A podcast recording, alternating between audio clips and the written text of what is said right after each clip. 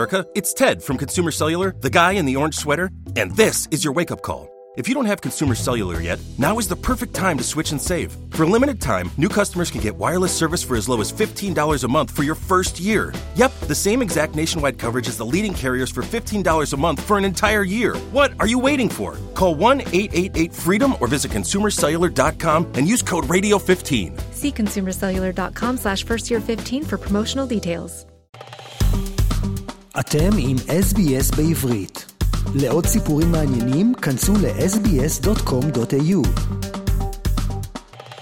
We're joined now by Shane Desiatnik from the Australian Jewish News. Hi, Shane, and thanks so much for joining us again. Hi, Amit. Thanks. Take us through the headlines. What's making headlines this week? Yeah, so barely 10 days uh, since Hamas's murderous assault in Israel, a solidarity with Palestine statement was signed uh, late last week by up to 2,000 members from scores of Australia's largest unions that not only failed to condemn Hamas for its actions, but blamed Israel for them.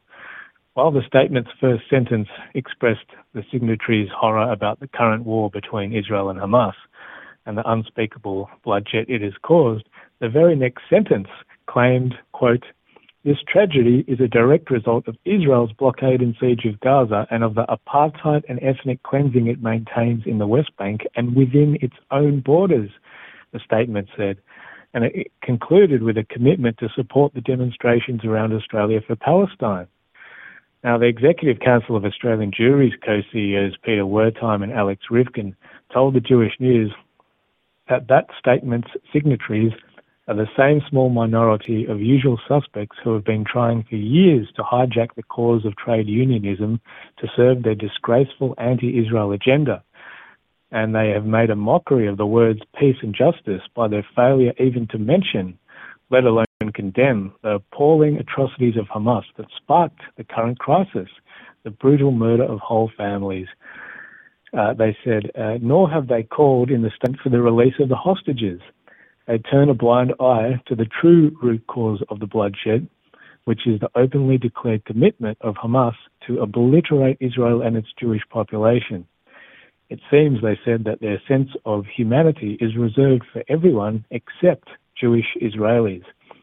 Meanwhile, the ACTU released a statement that expressed mixed messages about the Israel Hamas war.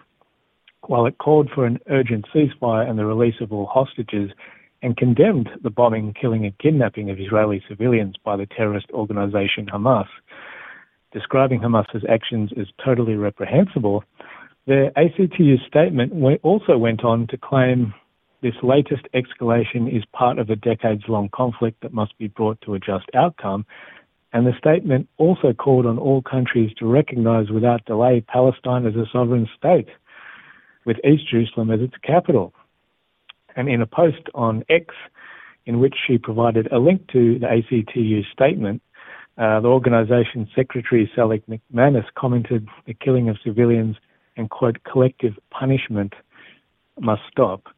Uh, also, just uh, sticking on with the unions, uh, the New South Wales Jewish Board of Deputies has slammed a statement by the New South Wales Teachers Federation on the Israel Hamas war as completely blind to the reality on the ground and indifferent to the trauma currently being experienced by Jewish Australian teachers and students.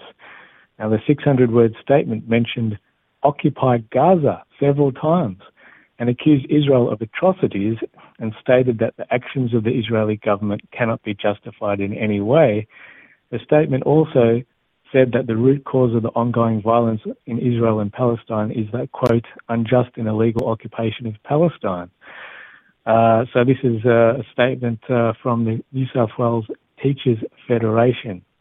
Uh, the Jewish News understands a number of Jewish teachers in New South Wales are outraged by the Federation statement, while comments on the Federation's Facebook page have caused much distress.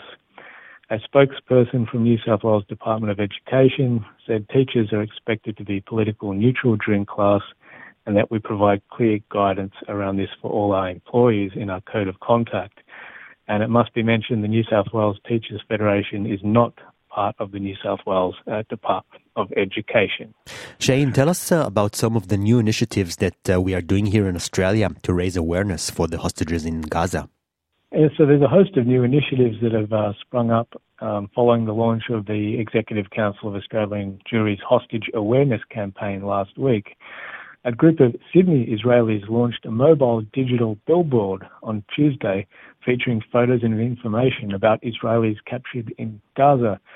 The whole idea of the flyers, the posters, and the truck billboard is to put pressure on politicians to speak up and to bring those people back home. Avi Efrat, uh, an Israeli Australian, uh, said uh, he's, he's organising all of this, and he's also organised uh, printing more than 16,000 posters to distribute around Sydney. Uh, King Orge's Vice President Zach Morris uh, spoke at the launch at Sydney Botanic Gardens and said the hostages are not a statistic or a number. We need to look for the humanity right now, he urged. We need to bring these people home. A powerful demonstration was held in Melbourne on Sunday as a group sat blindfolded in Caulfield Park while others chanted, Bring them home.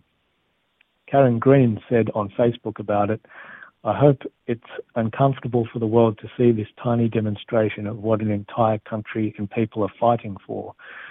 In Sydney's Bondi Beach was the setting for a 200 place empty Shabbat table last Friday, organised by a group of Jewish women with the help of Chabad of Bondi. It all came together in just one day. 200 plus families should be sharing in the joy and the connection that Shabbat brings, organiser Lauren Plax told the sizable crowd. Chabad of Bondi's Rabbi Yoram Ulman took aim at fabricated propaganda that Israel is to blame. He said, May God open the eyes of the world to the true narrative of what's going on and unite all decent people to make sure to do their part and that the hostages come home.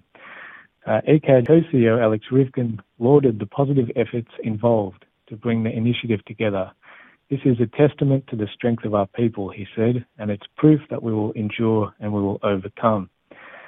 And at a press conference last Thursday to launch the campaign, Israeli woman, uh, lady called Michal, held up photos of her nephew, his wife, and the young children who are in Gaza. They were brutally taken from their home in Nir Oz, she said through tears. What I want to say to the media and politicians is there should be one question out there to Hamas when are you going to release our hostages? Mm, yeah, that's a good question. So obviously your audition this week is full again with stories from the uh, situation in Israel with some Australian views. I can see it, but uh, what I would like to hear from you now is uh, what uh, the federal government is actually doing to improve uh, security for the Jewish community of Australia. Yes, yes. So uh, the federal government has pledged $25 million to the Executive Council of Australian Jewry to improve safety measures, including at Jewish schools and preschools in across Australia. Uh, a media release from Attorney General Mark Dreyfus, Education Minister Jason Clare, and Home Affairs Minister Clare O'Neil uh, said the government is committed to the safety and well-being of all Australians and as part of a government commitment to support all communities affected, um, this uh, $25 million will also go to uh, other communities as well, uh, Muslim community, Jewish community, and uh, and others. Uh, briefly, in Melbourne, Victorian Premier Jacinta Allan attended a discussion with leaders of the Melbourne Jewish community on Tuesday at the ARC Centre, uh, and she was joined by several other ministers, uh, and they talked about uh, the needs of the Jewish community and security matters. Uh, and also CSG Victoria uh, was also uh, involved in, in, continuous meetings with Victoria Police and the police commissioner minister. Shane, we've all heard about some inappropriate incidents towards the Jewish community of Australia with the escalation of the conflict in Israel. Do we hear of any more reported cases that the Jewish news is aware of? Uh, there's been quite a few. Uh, in Sydney, uh, so I should say uh, federal MPs Josh Burns and Allegra Spender have lashed a memorial service for three Hezbollah terrorists that went ahead at a mosque in southern Sydney on Saturday night, despite their concerns of the Jewish community. The Al Rahman Mosque in Kingsgrove paid tribute to three Hezbollah fighters who were killed while battling Israeli forces. According to the Australian, who obtained a translation of the service from an attendee, Imam Sheikh Youssef Nachbar described the three terrorists as martyrs. So uh, Spender and Burns had a lot to say on this. Uh, uh, in other incidents, 11 people have been now arrested after the Sydney Opera House fiasco uh, that occurred when uh, on the night when um, the Opera House was lit in blue and white. And a new New South Wales police have set up Operation Shelter to investigate that. So the 11 arrests have been made. Um, uh, what else? Three men were charged last Wednesday over an alleged assault near the Opera House. Uh, police charged a man over alleged offensive com- comments made during a protest that happened uh, in a Hyde Park on October 15 in another protest.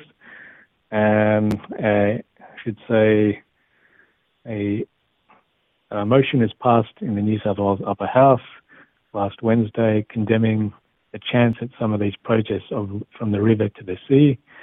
Uh, and as part of the ongoing Operation Shelter, more than 800 police were deployed across the Sydney CBD last Sunday to manage uh, some of these pro-Palestinian protests.